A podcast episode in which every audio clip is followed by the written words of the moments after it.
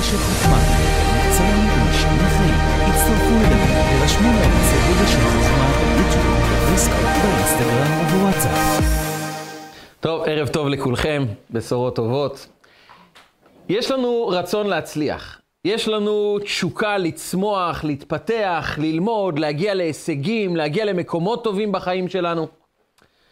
אבל במקביל לרצון שלנו להתפתח ולהתקדם, יש גם לחישות. יש גם מחשבות כאלה שמתגנבות אלינו ואומרות לנו, איך תצליח? אין לך את היסודות, אין לך את האמצעים, אין לך אפשרויות באמת להתפתח. אחרים, יש להם הורים שתומכים בהם, יש להם אנשים טובים שהגיעו לחיים שלהם ועוזרים להם, אבל איך אתה תצליח? תסתכל על החיים שלך. אתה באמת חושב שאתה יכול להצליח?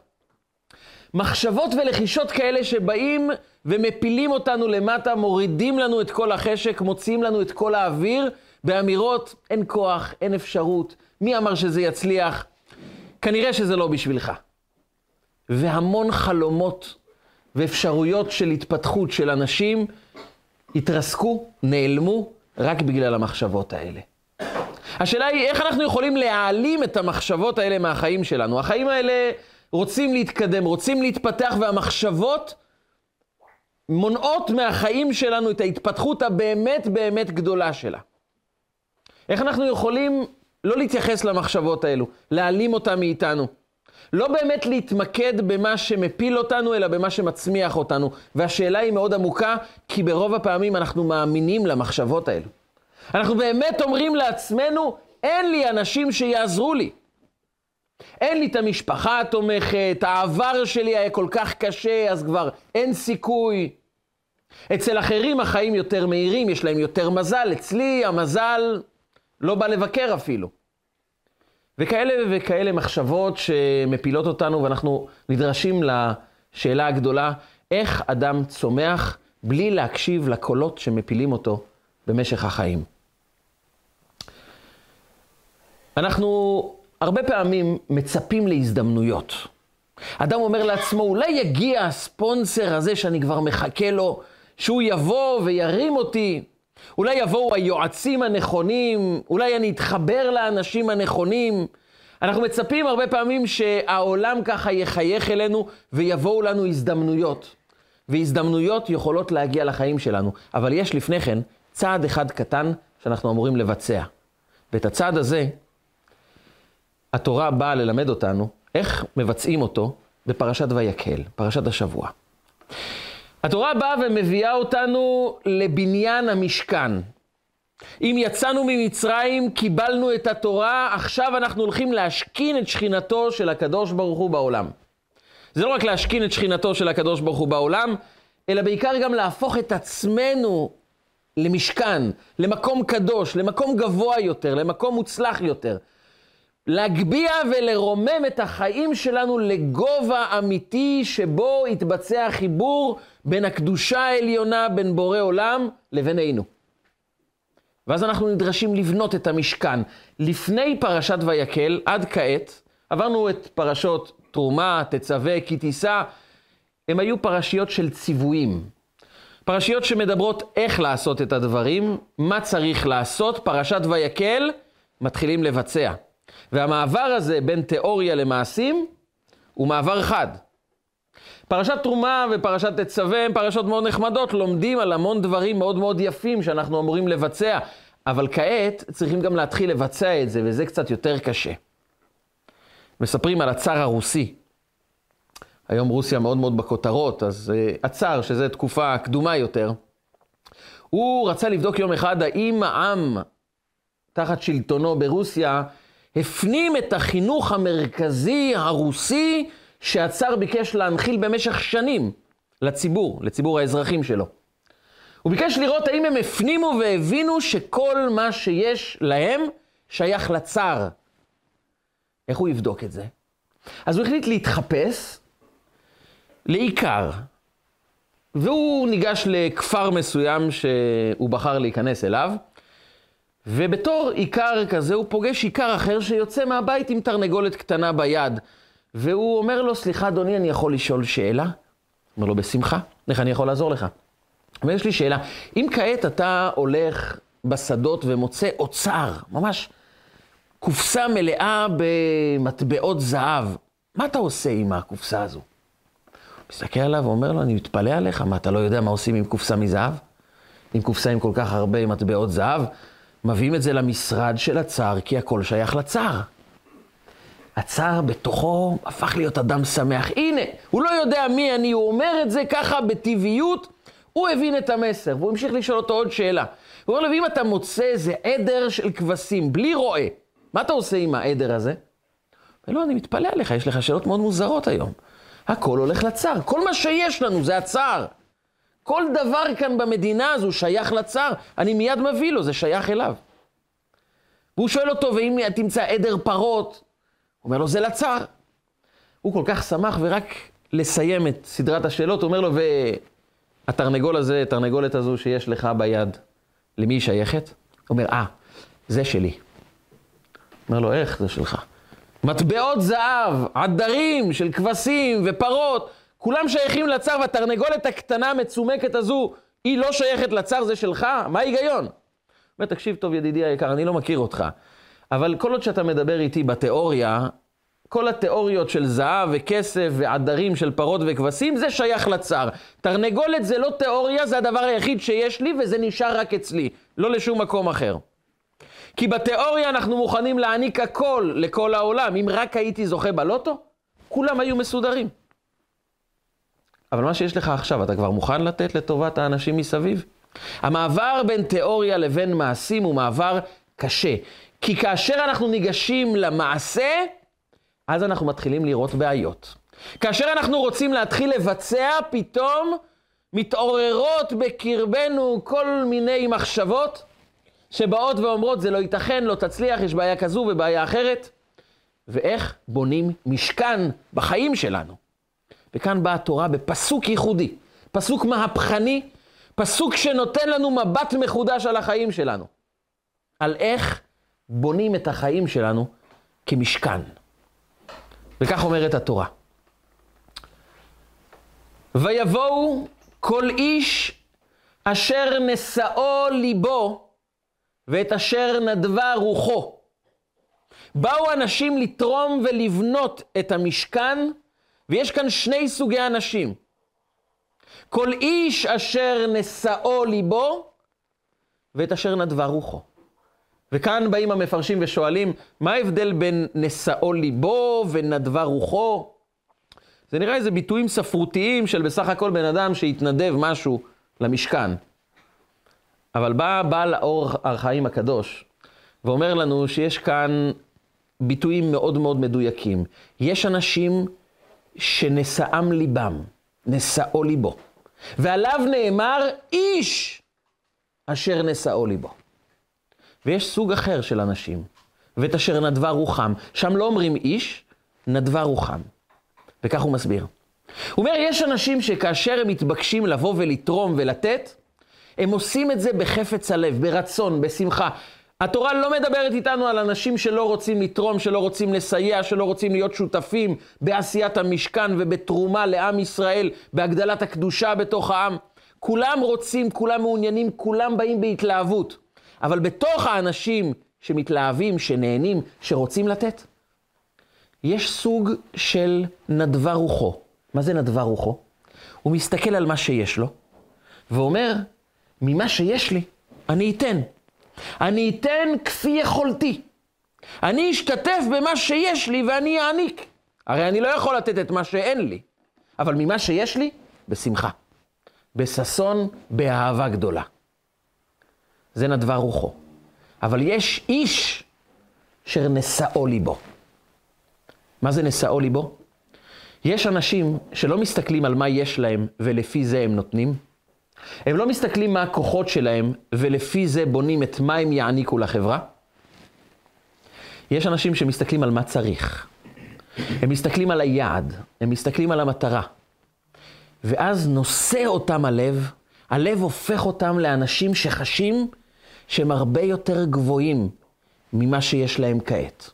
הם כבר מפסיקים להסתכל על עצמם במשקפיים טבעיות, מוחשיות, שקובעות את המעמד האישי שלי, את מי אני, את האישיות שלי, רק על פי מה שאני רואה, ורגע אחד הוא מתחיל לחלום. הוא מתחיל לשאת את ליבו למעלה ולהתחיל לראות, אולי אני שייך למשהו גבוה יותר. אולי יש בי איזו יכולת להסתכל על עצמי במבט מרומם יותר. והיו אנשים מעם ישראל שכשהם ראו את המשכן, כשהם ראו את היעד הגדול של עם ישראל, נשאם ליבם והם הפסיקו להסתכל על עצמם במבט שטחי, טבעי, והתחילו להסתכל על עצמם במבט מרומם יותר. נשאם ליבם. הם החליטו, אני, אני עשיר. גם אם אין לי כעת, אני מסתכל על היעד. אני לא מסתכל על מה יש לי ולפי זה אני קובע, קובע את היעד, אני מסתכל מה היעד האמיתי של החיים שלי. מי אני באמת, ולפי זה אני מתחיל לעבוד. נשאם ליבם זה תחושה פנימית של אני מתחיל להתרומם ולהסתכל על עצמי במבט הרבה יותר עמוק של מי אני באמת, מה הגובה האמיתי שלי, למה אני באמת שייך. נשאם ליבם, ולכן ההתגייסות האישית שלהם לטובת המשכן הייתה התגייסות של מעבר למה שיש להם, מעבר לכישרונות שלהם, מעבר ליכולות שלהם, הם פשוט הקדישו את עצמם ברמה גבוהה הרבה יותר. ועליהם נאמר, איש אשר נשאו ליבו. איש בתורה זה תמיד לשון חשיבות. והאיש משה. איש יהודי היה בשושן הבירה. איש תמיד זה מדבר על איזה מעלה עליונה. אם אתה רוצה להגיע למעלה העליונה האמיתית, הגבוהה של החיים שלך, תשאל את עצמך רגע אחד איך אני יכול להגביה את הלב שלי, נשאו ליבו, לראות את עצמי לא כפי שאני היום, אלא מי אני באמת, מה אני באמת יכול להיות, מי אני בתוכי. לנטרל רגע את רעשי הרקע, אתה זה כל הצרות שהיו, אתה זה כל הכישלונות שעברו עליך, אתה זה כל הבעיות שקיימים בחיים שלך, תנטרל את הכל, תפנה את זה מהחיים שלך, ורגע תתכנס בתוך עצמך ותשאל את עצמך, מי אני באמת? על מה אני חולם? מה היעד שלי? מי אני באמת? לו הכל היה אפשרי, מי הייתי? וזה מי שאתה באמת. הרמב"ן נותן לזה משמעות פרקטית לנשאו ליבו. הרמב"ן שואל שאלה מאוד פשוטה. עם ישראל צריכים לבוא לבנות משכן. עכשיו, משכן זה לא פירמידה של מצרים, אנחנו מסכימים. המשכן זה יצירה של ארכיטקטורה, של אומנות, של פיסול, של ליטוש יהלומים ברמה הגבוהה ביותר. מדובר פה על יצירת מופת פלאית לא רק מבחינת הקדושה, אלא גם מבחינת היצירה האומנותית שזה נדר... שאנשים נדרשים לבצע. זה לגלף בעץ, זה ליצור בתוך מתכות של כסף, זהב ונחושת את הכלים היפים, המרהיבים ביותר, זה יכולת אה, פיסול, זו תפירה, שזירה, כל המלאכות שבכלל לא שייכות לעם ישראל. בואו נדמיין לעצמנו, עם שלם שמועסק במשך 210 שנים בעבודה אחת, בניין פירמידות. ואתה מבקש מבניי פירמידות, אדם שבונה, שמתעסק עם מלט, עם טיט, עם לבנים, עם אבנים, זה המקצוע שלו, של אבא שלו ושל סבא שלו, הוא לא מכיר משהו אחר. ואתה צריך להפוך אותו לבוגר בית הספר לאומנות שיכול לייצר כעת מנורה עם כל העיטורים וכל הגילופים, לייצר ארון קודש, לשזור מלאכת השזירה לא הייתה מוכרת לעם ישראל. גם הנשים היו מועסקות בעבודות פיזיות קשות של גברים. וכולם הופכים לאומנים. מאיפה? מהיכן? מאיפה הם מצאו בתוכם אומנים שיכולים לייצר את המשכן? מאיפה זה הגיע? הם הרי לא שכרו גויים מאומות אחרות לבוא לייצר להם את המשכן, הם בעצמם ייצרו. איך זה יתבצע? אומר הרמב"ן, זה יתבצע בדרך הבאה. כל איש אשר נשאו ליבו. באו אנשים ואמרו למשה רבנו, אנחנו יודעים רק לבנות פירמידות, נכון. אנחנו גם נראים כאנשים שבונים פירמידות. אתה לא יכול לקחת בנאי שמגיל 13 הוא רק בונה בניינים, ומיום למחרת הוא הופך, הופך לפסנתרן, בעל שם עולמי. הוא לא יכול להיות פתאום אה, מנגן על צ'לו. הוא צריך לעבור איזה תהליך, לעבור מתודעה וגוף שעסוק בבניין, לאדם מוזיקלי שיכול להתעסק עם מלאכות עדינות, והם באו למשה רבנו, כפי שהם נראו, כפי שהם היו ביציאה ממצרים, ואמרו למשה רבנו, נכון, אנחנו היינו בנאים, אבל אנחנו חשים בתוכנו שאנחנו מתאימים לעבודה הזו.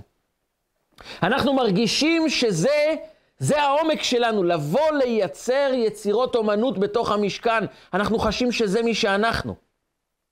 הרי לא היו בתוכם אומנים, אומר הרמב"ן, אבל היו אנשים שהאמינו שזה שייך להם. והם באו וביקשו ממשה רבנו, תן לנו הזדמנות להיות מי שאנחנו חולמים להיות.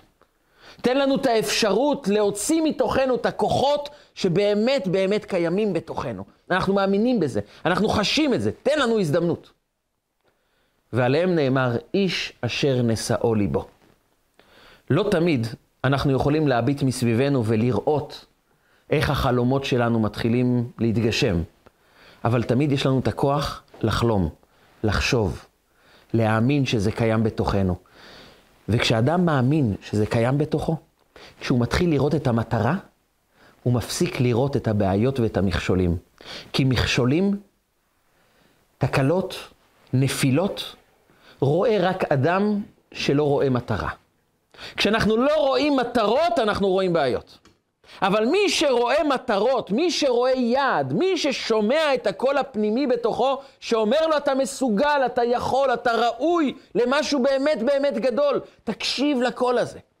תעמיק בו, תאמין בו, כשאתה תראה אותו כמטרה, אתה תפסיק לראות בעיות, ואתה תתחיל לראות צעדים קטנים שיקרבו אותך לחלום.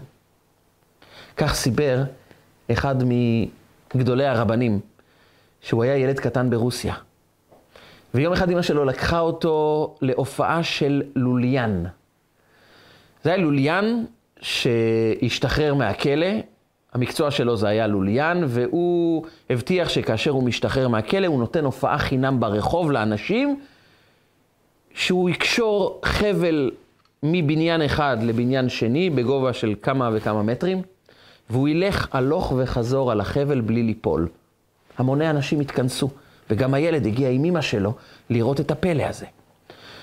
והוא רואה בגובה של כמה וכמה מטרים סכנה ממש גדולה. הוא אומר לאמא שלו, הוא באמת מתכוון ללכת על החבל? אם הוא ייפול מהחבל, הוא ימות.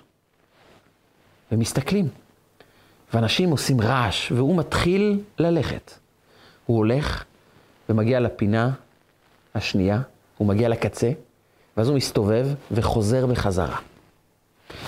זה היה תהליך שהתרחש במשך כמה וכמה דקות. הוא היה מאוד במתח, הילד, האם הוא יצא מזה בחיים. והלוליין עבר, הוא עשה את זה. והוא ירד לקהל, והוא התקבל בתשואות, והילד דחף את אימא שלו ואמר לה, אימא, אני חייב לשאול אותו איך הוא עושה את זה. איך עושים כזה דבר? מה, אתה לא פוחד ליפול? אתה לא שומע את הרעש שאנשים עושים, את הצעקות, את הקולות, אתה, אתה לא רואה את האוויר, את הגובה שבו אתה נמצא, אין לך פחד? איך אתה עושה את זה? ואימא שלו לקחה אותו, והוא שאל את השאלות האלו, את הלוליין. והלוליין חייך ואמר לו, ילד יקר, יש לי דרך אחת, שהיא נותנת לי את האפשרות לא לשמוע קולות אחרים. לא להביט על המכשולים, לא להביט, להביט על הפחדים, לא לשמוע שום דבר אחר, חוץ מהמטרה שיש לי. אני מתמקד בנקודה, ואני אומר, זה היעד של החיים שלי. וחוץ מזה, לא מעניין אותי כלום. ומאותו רגע אני ננעל, אני לא שומע כלום, אני לא יודע שום דבר אחר, אני יודע דבר אחד, יש לי מטרה אחת בחיים וזה להגיע לנקודה הזו. וכשיש לך מטרה בחיים, אתה לא שומע קולות שמפחידים אותך. כשיש לך יעד ברור בחיים שאתה מאמין בו, שאתה ננעל עליו, שאתה מתמקד בו, אתה כבר לא שומע אנשים אחרים, אתה לא שומע את כל האנשים שבאים ומפילים אותך, אתה לא תאכל, אי אפשר, קולות שמגיעים מבחוץ או קולות שמגיעים מבפנים. אתה לא מתייחס לקשיים לחששות, לפחדים, כי יש לך יעד. ואתה יודע, ילד, אתה יודע מה החלק הכי מפחיד והכי קשה בלוליינות הזו? זה החלק שאתה צריך להסתובב ולחזור בחזרה. הסיבוב זה החלק הכי קשה. אתה יודע למה? כי זה הרגע שאין לך בדיוק יעד. אתה לא מתמקד בשום דבר, אתה פשוט מסתובב. וכשאין לך יד, זה הרגע המפחיד. ההליכה לחבל עשרות מטרים, מבניין לבניין, לא מפחידה אותי, כי יש לי מטרה, אני לא פוחד משום דבר. אבל הרגע של הסיבוב, שברגע הזה אין לי מטרה, זה הרגע המפחיד. זה נראה הכי פחות מסוכן, וזה הכי מפחיד. כי כשיש לך מטרה, כשיש לך יעד, אתה כבר לא שומע את הפחדים, אתה פשוט מתמקד במקום הטוב שאליו אתה רוצה להגיע.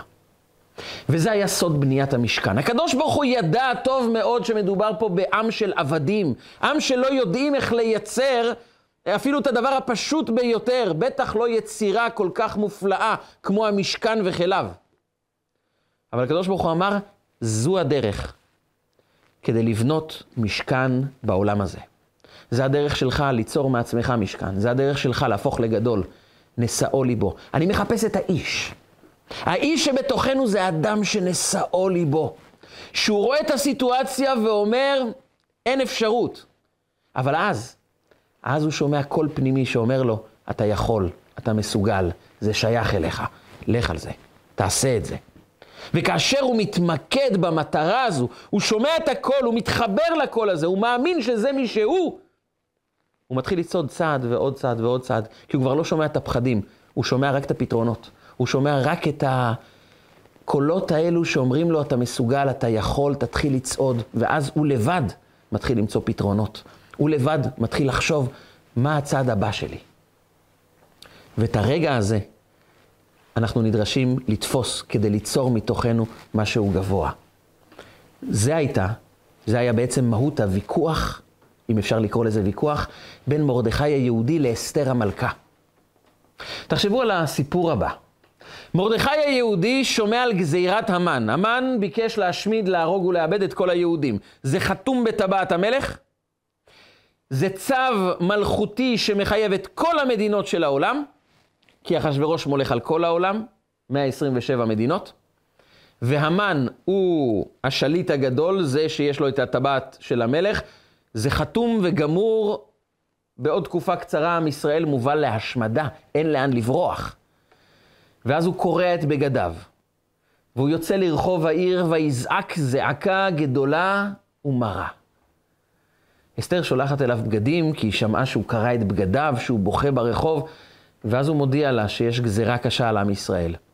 מרדכי לא רק אה, צועק ובוכה, מרדכי מבין שזה הזמן לתיקון הרוחני של עם ישראל. הוא מקבץ אלפי ילדים, מלמד אותם תורה, מדבר עם עם ישראל, בואו תבינו שהגזרה הזו לא הגיעה סתם, יש כאן תהליך רוחני שאנחנו אמורים לבצע. עם ישראל כולו מתקבץ בחזרה אל תוך המסורת היהודית, אל תוך האמונה בחזרה, והם מגדירים את עצמם מחדש שוב כיהודים נאמנים לתורה, לזהות של עם ישראל. אחרי שמרדכי מבצע את התהליך הרוחני הזה, הוא אומר, הגיע הזמן לפעול בכלים דיפלומטיים. הוא הולך לפגוש את אסתר, אסתר המלכה.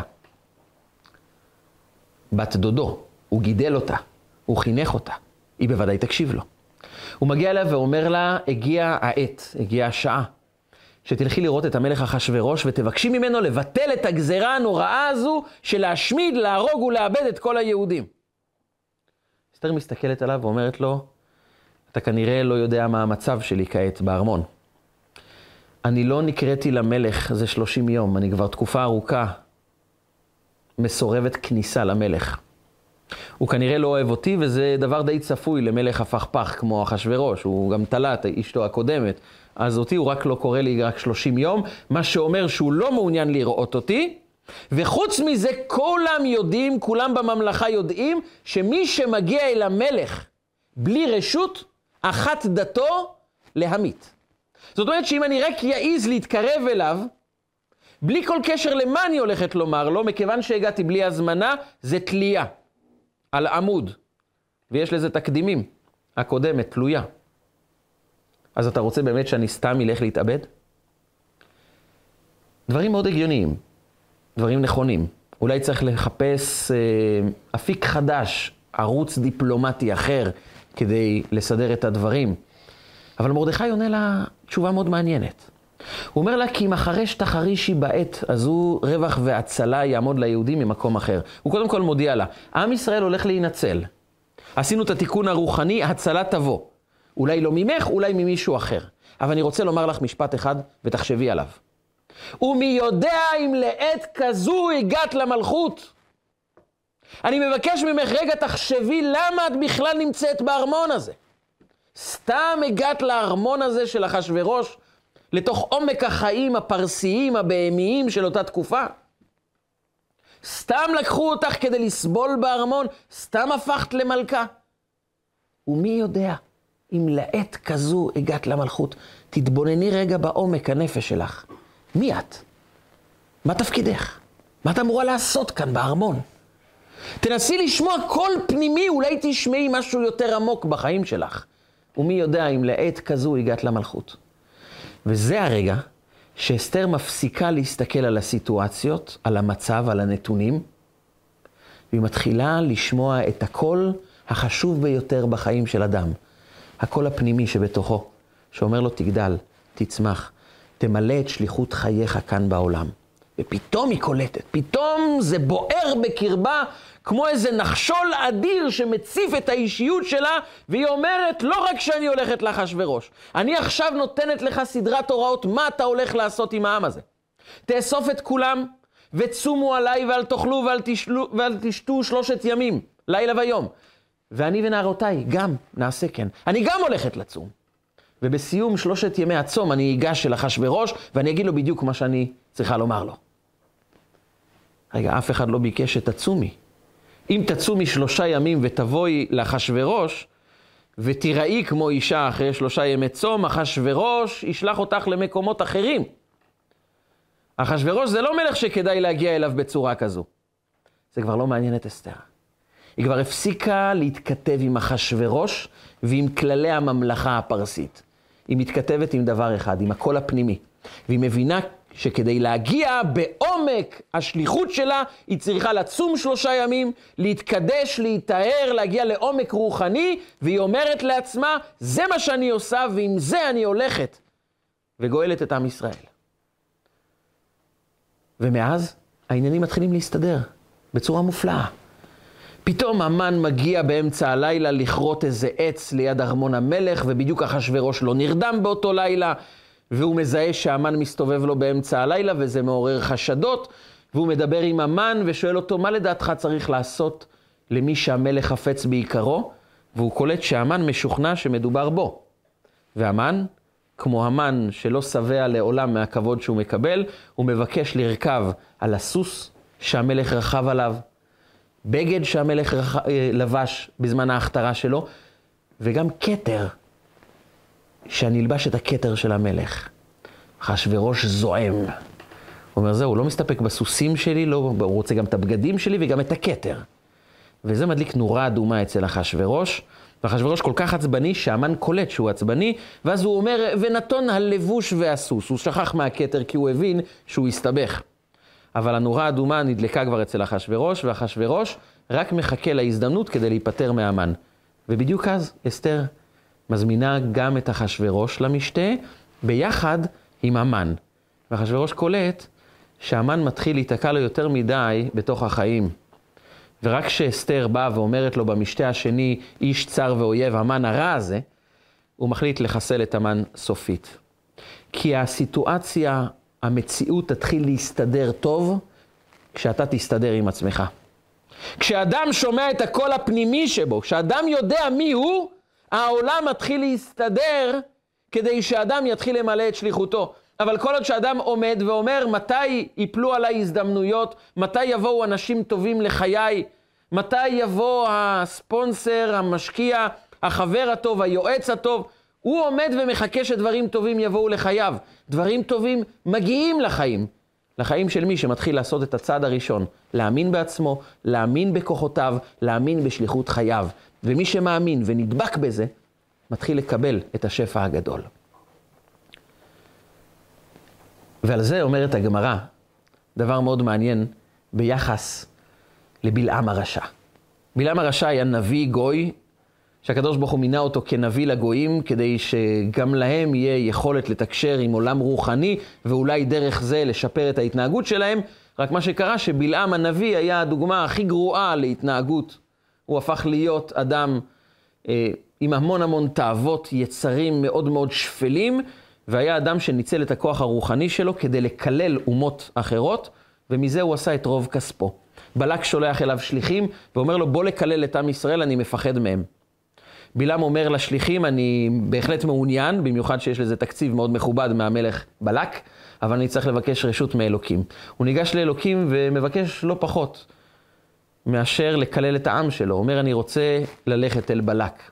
אני רוצה לקלל את ישראל. הקדוש ברוך הוא מודיע לו, לא תלך עמהם, לא תאור את העם, כי ברוך הוא. אתה לא מקלל אותם, לא הולך לשום מקום, זה עם מבורך, העם שלי, אתה לא נוגע בהם.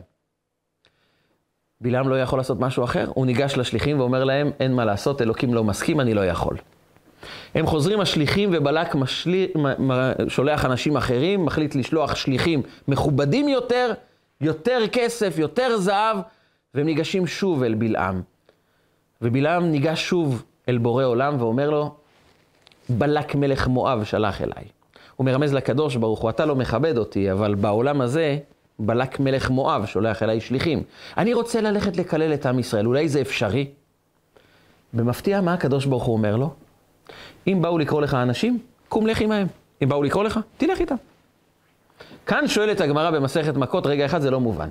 בהתחלה הקדוש ברוך הוא אומר לו, אתה לא הולך לשום מקום, לא טהור את העם כי ברוך הוא, אתה לא זז מהבית שלך. בפעם השנייה שהוא בא לשאול, אומר לו הקדוש ברוך הוא, מה הבעיה? באו לקרוא לך, תלך איתם. מה פשר השינוי בהחלטה של הקדוש ברוך הוא? ובלעם הולך ומשוכנע שהוא הצליח לעקוף את הרצון האלוקי. הוא היה בטוח שהוא גרם לאלוקים לשנות את דעתו. אבל הגמרא שואלת, מה באמת הקדוש ברוך הוא רצה? וכאן אומרת הגמרא, משפט יסודי לחיים. בדרך שאדם רוצה לילך, מוליכין אותו. הוא באמת באמת רצה ללכת בדרך הלא טובה הזו. זו דרך לא טובה. הוא ילך לקלל את התוצאה, יחליט הקדוש ברוך הוא, אבל אתה מעוניין ללכת בדרך הלא טובה הזו? אז אנחנו נוליך אותך. וכאן מגיעה ההפתעה. בדרך שאדם רוצה לילך, מוליכין אותו. מוליכין לשון רבים. זה לא בדרך שאדם רוצה לילך, הקדוש ברוך הוא מוליך אותו. מוליכין אותו, בלשון רבים. בא המהרש"א, אחד מגדולי מפרשי התלמוד, והוא מסביר לנו את הסוד שטמון כאן במשפט הזה. בדרך שאדם רוצה לילך, מוליכין אותו. מי מוליכין אותו? מי הצוות הגדול שמוליך אותו? אלו הם המחשבות והדיבורים של האדם שכל כך רוצה ללכת בדרך מסוימת. אדם שרוצה ללכת בדרך מסוימת, אם זה דרך רעה או טובה, הוא יוצר לעצמו המוני מחשבות ודיבורים ורגשות ביחס לדרך הזו. בלעם לא מפסיק לחלום ולחשוב, והוא מעורר בתוכו תשוקה עצומה ללכת לקלל את עם ישראל. ככל שהוא רוצה יותר, ככל שהוא חושב על זה, ככל שהוא מדבר על זה, אומר המהרש"א, נוצרים מלאכים, כוחות רוחניים, שנולדים כתוצאה מהמחשבות והדיבורים של האדם, והם אלה, הם הכוחות, שמוליכין את האדם למקום שבו הוא רוצה ללכת. וזה מה שהוליך את בלעם, המחשבות, הדיבורים הלא טובים שלו. וכך גם אדם שמאוד רוצה את הדברים הטובים בחיים שלו. הוא מאוד משתוקק לזה, הוא לא יודע איך עושים את זה, אבל הוא יודע דבר אחד, זה החלום שלי, זה היעד שלי, זה מי שאני, אני מאמין בעצמי, אני שומע בתוכי את הכוחות שיש בי. אני מאמין שכן, אני אוכל לעשות את הדבר הזה. הכוחות האלה יובילו אותו למקום האמיתי של חייו. ויקטור פרנקל, אחד מהפסיכיאטרים הנודעים, הוא כתב את הספר אה, הדרך לחיים של משמעות. הוא היה פסיכיאטר מאוד מאוד גדול, ובהתחלה לא הכירו כל כך בתרומה הגדולה שלו לפסיכולוגיה, אבל בשלב מסוים התחילו להכיר בתרומה הענקית שלו, לשיטות הטיפול שלו, לדרך החשיבה שלו, והוא הוזמן בפעם הראשונה לנאום באוניברסיטה בארצות הברית. זה היה רגע מאוד מאוד מיוחד מבחינתו. הוא יצא מאוסטריה, המקום שבו הוא גדל. הוא היה ניצול שואה, הוא נלקח לאושוויץ, הוא השתחרר, חי, ניצל מהמלחמה, מהמחנות, ייסד ופיתח את השיטה שלו, ואז קיבל את ההזמנה, בשנות ה-70, הוא קיבל רק אז את ההזמנה פעם ראשונה להגיע לארצות הברית, לאוניברסיטה, ללמד את שיטתו. והוא הגיע לשם, והוא פתח במשפט ראשון בנאום שלו, הנאום הראשון על אדמת ארצות הברית, המשפט הראשון, הוא אמר את הדברים הבאים: אני מאוד שמח להיות איתכם כאן, בפעם השנייה, בארצות הברית. שהם הסתכלו עליו, הרי כל מה שמדברים על הביקור שלו בעיתונות, בפרסומים, שזה הפעם הראשונה שוויקטור פרנקל, דוקטור ויקטור פרנקל, מגיע לארצות הברית. והוא אומר להם בשיא הרצינות, זו הפעם השנייה שאני בארצות הברית, וכולם מביטים עליו ומבקשים הסבר מתי הוא היה בארצות הברית. כולם יודעים שהוא מעולם לא דרך בארצות הברית. ואז הוא מספר להם, הפעם הראשונה הייתה באושוויץ, אז הייתי פעם ראשונה בארצות הברית. עכשיו, בכלל אף אחד לא הבין מה הוא רוצה. הוא אומר להם, כשהייתי באושוויץ, במחנות, פיתחתי את השיטה שלי. של האדם מחפש משמעות. הספר שלאחר מכן הוא כתב. האדם מחפש משמעות.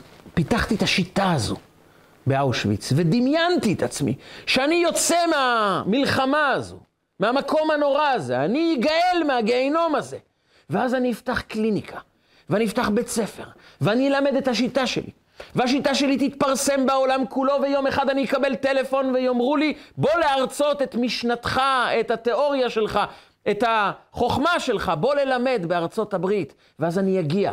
ודמיינתי את עצמי, בתוך המחנות, ניצב מול אלפי סטודנטים על הבמה, ואני מרצה בפניהם את כל שיטתי, השיטה הטיפולית שלי. אז עכשיו שאני עומד מולכם, זו הפעם השנייה. כי הפעם הראשונה היא בחלום שלך. באמונה הפנימית שבך, בהסתכלות הפנימית שאתה באמת מאמין שיש לך בשורה לתת. ואז, אז המחשבות האלו, החלומות האלו, הרגשות, הדיבורים, האמונה הזאת מביאים אותך למקום האמיתי של חייך. תתחיל להאמין. לפני שאדם מסתכל על הבעיות שלו, הוא צריך להסתכל על החלומות שלו. לפני שהוא מסתכל על המכשולים וכמה היה רע וכמה הוא נפגע, וכמה ההורים והמורים והסביבה והחברים והמציאות והעולם, כל אחד מתעסק רק בשלו ולכולם אכפת רק מעצמם. תניח לזה. תסתכל על עצמך, אבל מי אתה?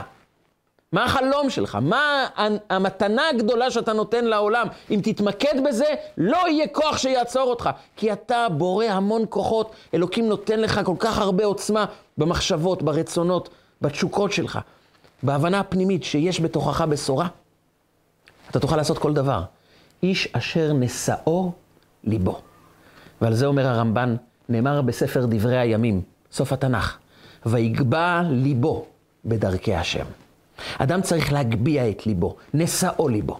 ויגבע ליבו בדרכי השם, זה אומר שרגע אחד אני מגביה את עצמי, כי בתוך המציאות אני לא יכול להתפתח, כי אין לי אפשרות בתוך המציאות. אבל יש לי אפשרות אחרת, להיות מעל המציאות. ויגבע ליבו בדרכי השם. איש אשר נשאו ליבו, אני יכול להתרומם מעל. וכשאתה מתרומם, העולם מתרומם איתך ביחד. כשאתה גבוה, המציאות הופכת לגבוהה יותר. אתה יכול באמת לשנות. אבל איך אני אדע שאני באמת חושב את המחשבות הנכונות? איך אני אדע שאני באמת ממוקד בחלום האמיתי של חיי? אז על זה בא משה רבנו. משה רבנו בא לבשר לעם ישראל את בשורת הגאולה. הם נמצאים במצרים, הם יודעים שהם אמורים להיגאל. בא משה רבנו ומוכן להראות להם ניסים, להפוך מים לדם, להפוך מטה לנחש. הוא אומר להם, נשלחתי בידי בורא עולם, ולא שמעו אל משה מקוצר רוח ומעבודה קשה. האדם לא מצליח לשמוע את הקולות הפנימיים האמיתיים בתוכו, כשיש לו קוצר רוח. קוצר רוח, אומרת החסידות, זה רוחניות קצרה ומעבודה קשה. כשהרוחניות של האדם מתקצרת והוא שקוע כל הזמן בעולם החומר, עולם התאוות, עולם הסיפוק צרכים ורצונות, לספק את המאוויים שלו, את התאוות שלו, הוא כל כך שקוע בעבודה קשה, הוא עבד לעולם החומר. הרוחניות שבו מתקצרת. אז הוא שומע רק את קולות התאווה, את קולות המציאות, את המוחשי הוא שומע. וככל שאדם ממקד את עצמו רק במוחשי, רק בתאווה, רק במה נמצא כאן ועכשיו שיכול לספק את תאוות הגוף. האדם הזה, הרוחניות שלו קצרה, והוא לא מצליח לשמוע קולות שמעבר למציאות. וכאן אומר להם משה רבנו, תגדילו את העולם הרוחני שלכם, תפתחו את העולם הרוחני שלכם. תתנתקו רגע רק מעולם החומר ותיתנו לעולם הרוח, תלמדו, תתפתחו רוחנית, תעזרו אחד לשני, תחשבו מה קדוש בחיים שלכם. תשקיעו בעצמכם. השקעה שלא אמורה להניב לכם כסף או כבוד או יחס מהחברה, אבל אמורה להעניק לכם את הדבר הכי חשוב, צמיחה רוחנית. תגדילו את הרוחניות. כשאתם תהיו יותר רוחניים, עבודה פחות קשה, רוחניות יותר גדולה, תתחילו לשמוע קולות. כי לפעמים באים בתוכנו בשורות של גאולה. מחשבות שבאמת יכולות לקדם אותנו, להצמיח אותנו. אנחנו לא מצליחים לשמוע, לא מצליחים להיות קשובים לקולות האלו, בגלל שמדי שקענו בחומרי, במוחשי, במה שכאן ועכשיו הגוף מבקש מאיתנו. אבל תפילה, לימוד, צמיחה רוחנית, מאפשרים לנו להתחיל לשמוע את הקולות הפנימיים בתוכנו. ואז, כשאדם שומע את הקול הזה, כמו אסתר בזמנו בפורים, היא באה ואומרת לעצמה, אני אשנה את המציאות. המציאות נגדי, אבל אני אוכיח שאני מעל המציאות. אני אוכיח שאני יכולה. אז אנחנו יכולים לשמוע את בשורת הגאולה. אז אנחנו יכולים להאמין בעצמנו באמת, כי אומר בעל צדקת הצדיק, רבי צדוק הכהן מלובלין, שאם אדם מאמין בקדוש ברוך הוא, הוא חייב גם להאמין בעצמו. אין אמונה באלוקים בלי להאמין בעצמך. אין אפשרות להאמין שאלוקים גדול בלי להאמין שהוא גם הפך אותך לגדול. הוא לא בא לייצר יצורים קטנים, הוא בא לייצר אנשים, איש, אשר נשאו ליבו. וכשאדם מתמקד בנשאו ליבו, הוא כבר מפסיק לשמוע את הקולות הלא טובים, הקולות המחלישים, את הקולות הרעים האלה שמפילים אותנו למטה, כי אני כבר לא נמצא ברובד הזה. אני ברובד הרבה יותר גבוה. ולכן אני גם לא מחפש שאנשים יתחילו לחייך אליי. אני מתחיל לחייך לאנשים. אני מפסיק לצפות שמשהו ינחת מהשמיים, ואני בעצמי עולה לשמיים. אני מפסיק לצפות שאנשים יבואו ויחמיאו לי, ויגידו לי כמה טוב אתה, ואני מתחיל להחמיא לעצמי. אני מתחיל לראות בתוכי את הכוחות. כי אין אדם שמאמין באלוקים ולא יאמין גם בעצמו. משהו פגום גם באמונה באלוקים, אם אדם לא מאמין שיש לו שליחות חיים. ואז כשאדם שומע את הדברים האלו, הוא שומע את הקולות שבתוכו. הוא מקיים בעצמו איש אשר נשאו ליבו. אומר הקדוש ברוך הוא, אני יכול להפיל מהשמיים משכן מוכן. אני יכול. אבל לא כך בונים משכן בחיים. אתם רוצים לבנות משכן? אני מחפש את האיש אשר נשאו ליבו. תהיה אתה האיש, לשון חשיבות, שמתרומם עם הלב ואומר, אני מפסיק להסתכל על הבעיות, אני מתחיל להסתכל על המטרות. ומי שמסתכל על המטרות לא רואה בעיות, רואה פתרונות, רואה מעשים שיובילו אותו למהפכות הגדולות של החיים שלו. היה נער שגדל בפולין, בכפר נידח. אימא שלו ביקשה ממנו שילמד תורה, היה להם מלמד מאוד פשוט, שלימד אותו את הרובד המאוד שטחי של התורה, של התלמוד, אבל הוא מאוד השתוקק ללמוד תורה. אימא שלו החדירה בתוך הלב שלו המון המון תשוקה ואהבה ללימוד התורה, והוא ידע בגיל 13-14, שאם הוא רוצה באמת באמת לצמוח בלימוד התורה, הוא חייב להתקבל לישיבה הגדולה במרכז פולין. אבל יש בעיה אחת. כדי להתקבל אתה חייב לעבור מבחן, שאת המבחן הוא לא יוכל לעבור, כי אין לו את הידע המספיק, העמוק והרוחבי, שנדרש בשביל לעבור את המבחנים. הוא לא יודע המון דפי גמרא, הוא לא יודע את זה לעומק. והבעיה היותר גדולה, זה שבכלל אתה לא מתקבל למבחן אם אתה לא מביא המלצה מרב גדול. ישיבה מיוחדת. אתה קודם כל, לפני המבחן, צריך להביא המלצה מרב גדול. והוא אמר, את ההמלצה שלי, אני כותב בעצמי. אני אכתוב לעצמי המלצה. הוא אמר לאימא שלו שהוא הולך, אימא שלו אמרה לו, אבל מי ימליץ עליך? הוא אומר, אל תדאגי, מצאתי אדם מספיק טוב להמליץ עליי. והוא הלך לשם. והוא פגש המוני בחורים חכמים, גאונים, סלטה ושמנה של יהדות פולין של אותה תקופה, וכל אחד מגיע עם הדף, זה מביא המלצה מרבה הראשי של ורשה, של לובלין, הרב הגדול הזה והרב הגדול הזה, האדמו"ר המכובד הזה והגאון פלוני. והוא קיפל את הדף שלו קטן והצמיד את זה ללב. והוא נכנס לראש הישיבה, והראש ישיבה שואל אותו, מי המליץ עליך? הוא מחליט שזה הרגע שלו של החיים. הוא מישיר מבט לראש ישיבה ואומר לו, הממליץ עליי זה רבי עקביה בן מהללל. הראש ישיבה חשב שהגיע לפה משוגע. עקביה בן מהללל זה תנא מלפני אלפיים שנה. אומר, אתה רציני? הוא בעצמו המליץ עליך? הוא אומר, כן. הראש ישיבה חייך, נדרך, ואומר, ואפשר לראות את ההמלצה שלו? הוא אומר לו, כן. ואז הוא מגיש לו את הפתק. הפתק היה ציטוט ממשנה במסכת עדויות. המשנה מספרת לנו סיפור מפתיע, ביום פטירתו של עקביה בן מהללל. ביום שנפטר רבי עקביה בן מהללל, הגיע הבן שלו, ואמר לאבא שלו, אבא, לפני שאתה עוזב את העולם, פקוד עליי אצל חבריך. תדבר עם החברים שלך, שייתנו לי תפקיד מכובד בבית המדרש, הרי כולם מעריכים אותך ואני הבן שלך. תבקש מהם שייתנו לי תפקיד מכובד. אמר לו אבא שלו, לא. אומר לו, אבא, למה? מצאת בי פסול? מצאת בי משהו לא טוב? אומר לו אבא שלו, חלילה. זאת אומרת, אז אבא, אז למה לא תמליץ עליי אצל החברים? ואז נתן רבי עקביה בן מעללל את המשפט האחרון של חייו. מעשיך יקרבוך, מעשיך ירחקוך. לא אני עובד בשבילך, אתה עובד בשביל עצמך. אם אתה תעבוד, אם אתה תתאמץ, אם אתה תאמין בעצמך, אתה תהיה התפקיד המכובד. אבל אם אתה לא תעבוד ולא תעשה שום דבר, אף אחד לא יעשה בשבילך שום דבר. אבא טוב, זה לא אבא שאומר אני אסדר אותך ואני אמנה אותך ואני אארגן לך תפקידים וינצל את הקשרים שלי. כי אז הוא משאיר את הבן שלו חסר תועלת, חסר צמיחה והתפתחות. אני אבא טוב, ולכן אני אומר לך, מעשיך יקרבוך, מעשיך ירחקוך. מישיר הילד את המבט לראש הישיבה ואומר לו, זה ההמלצה שלי.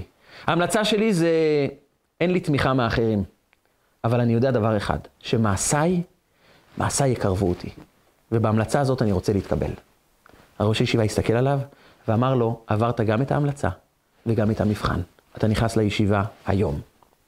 כי כשאדם באמת מאמין, מאמין בכוחותיו, מאמין שהקדוש ברוך הוא מבקש ממנו, תהיה איש אשר נשאו ליבו.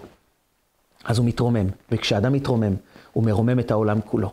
אדם קטן ופשוט יכול לרומם את עצמו, ואיתו את העולם כולו, ובמעשה אחד אמיתי, פנימי, מתוך נשיאות הלב שלנו, אנחנו יכולים גם להפוך את העולם לעולם של גאולה שלמה, עולם של טוב אמיתי, שיבוא אלינו במהרה בימינו, אמן ואמן. רגע של חוכמה, רגעים קצרים ומשנה חיים. הצטרפו אלינו, הרשמו לערוצי רגע של חוכמה ביוטיוב, בפייסבוק, באינסטגרם ובוואטסאפ.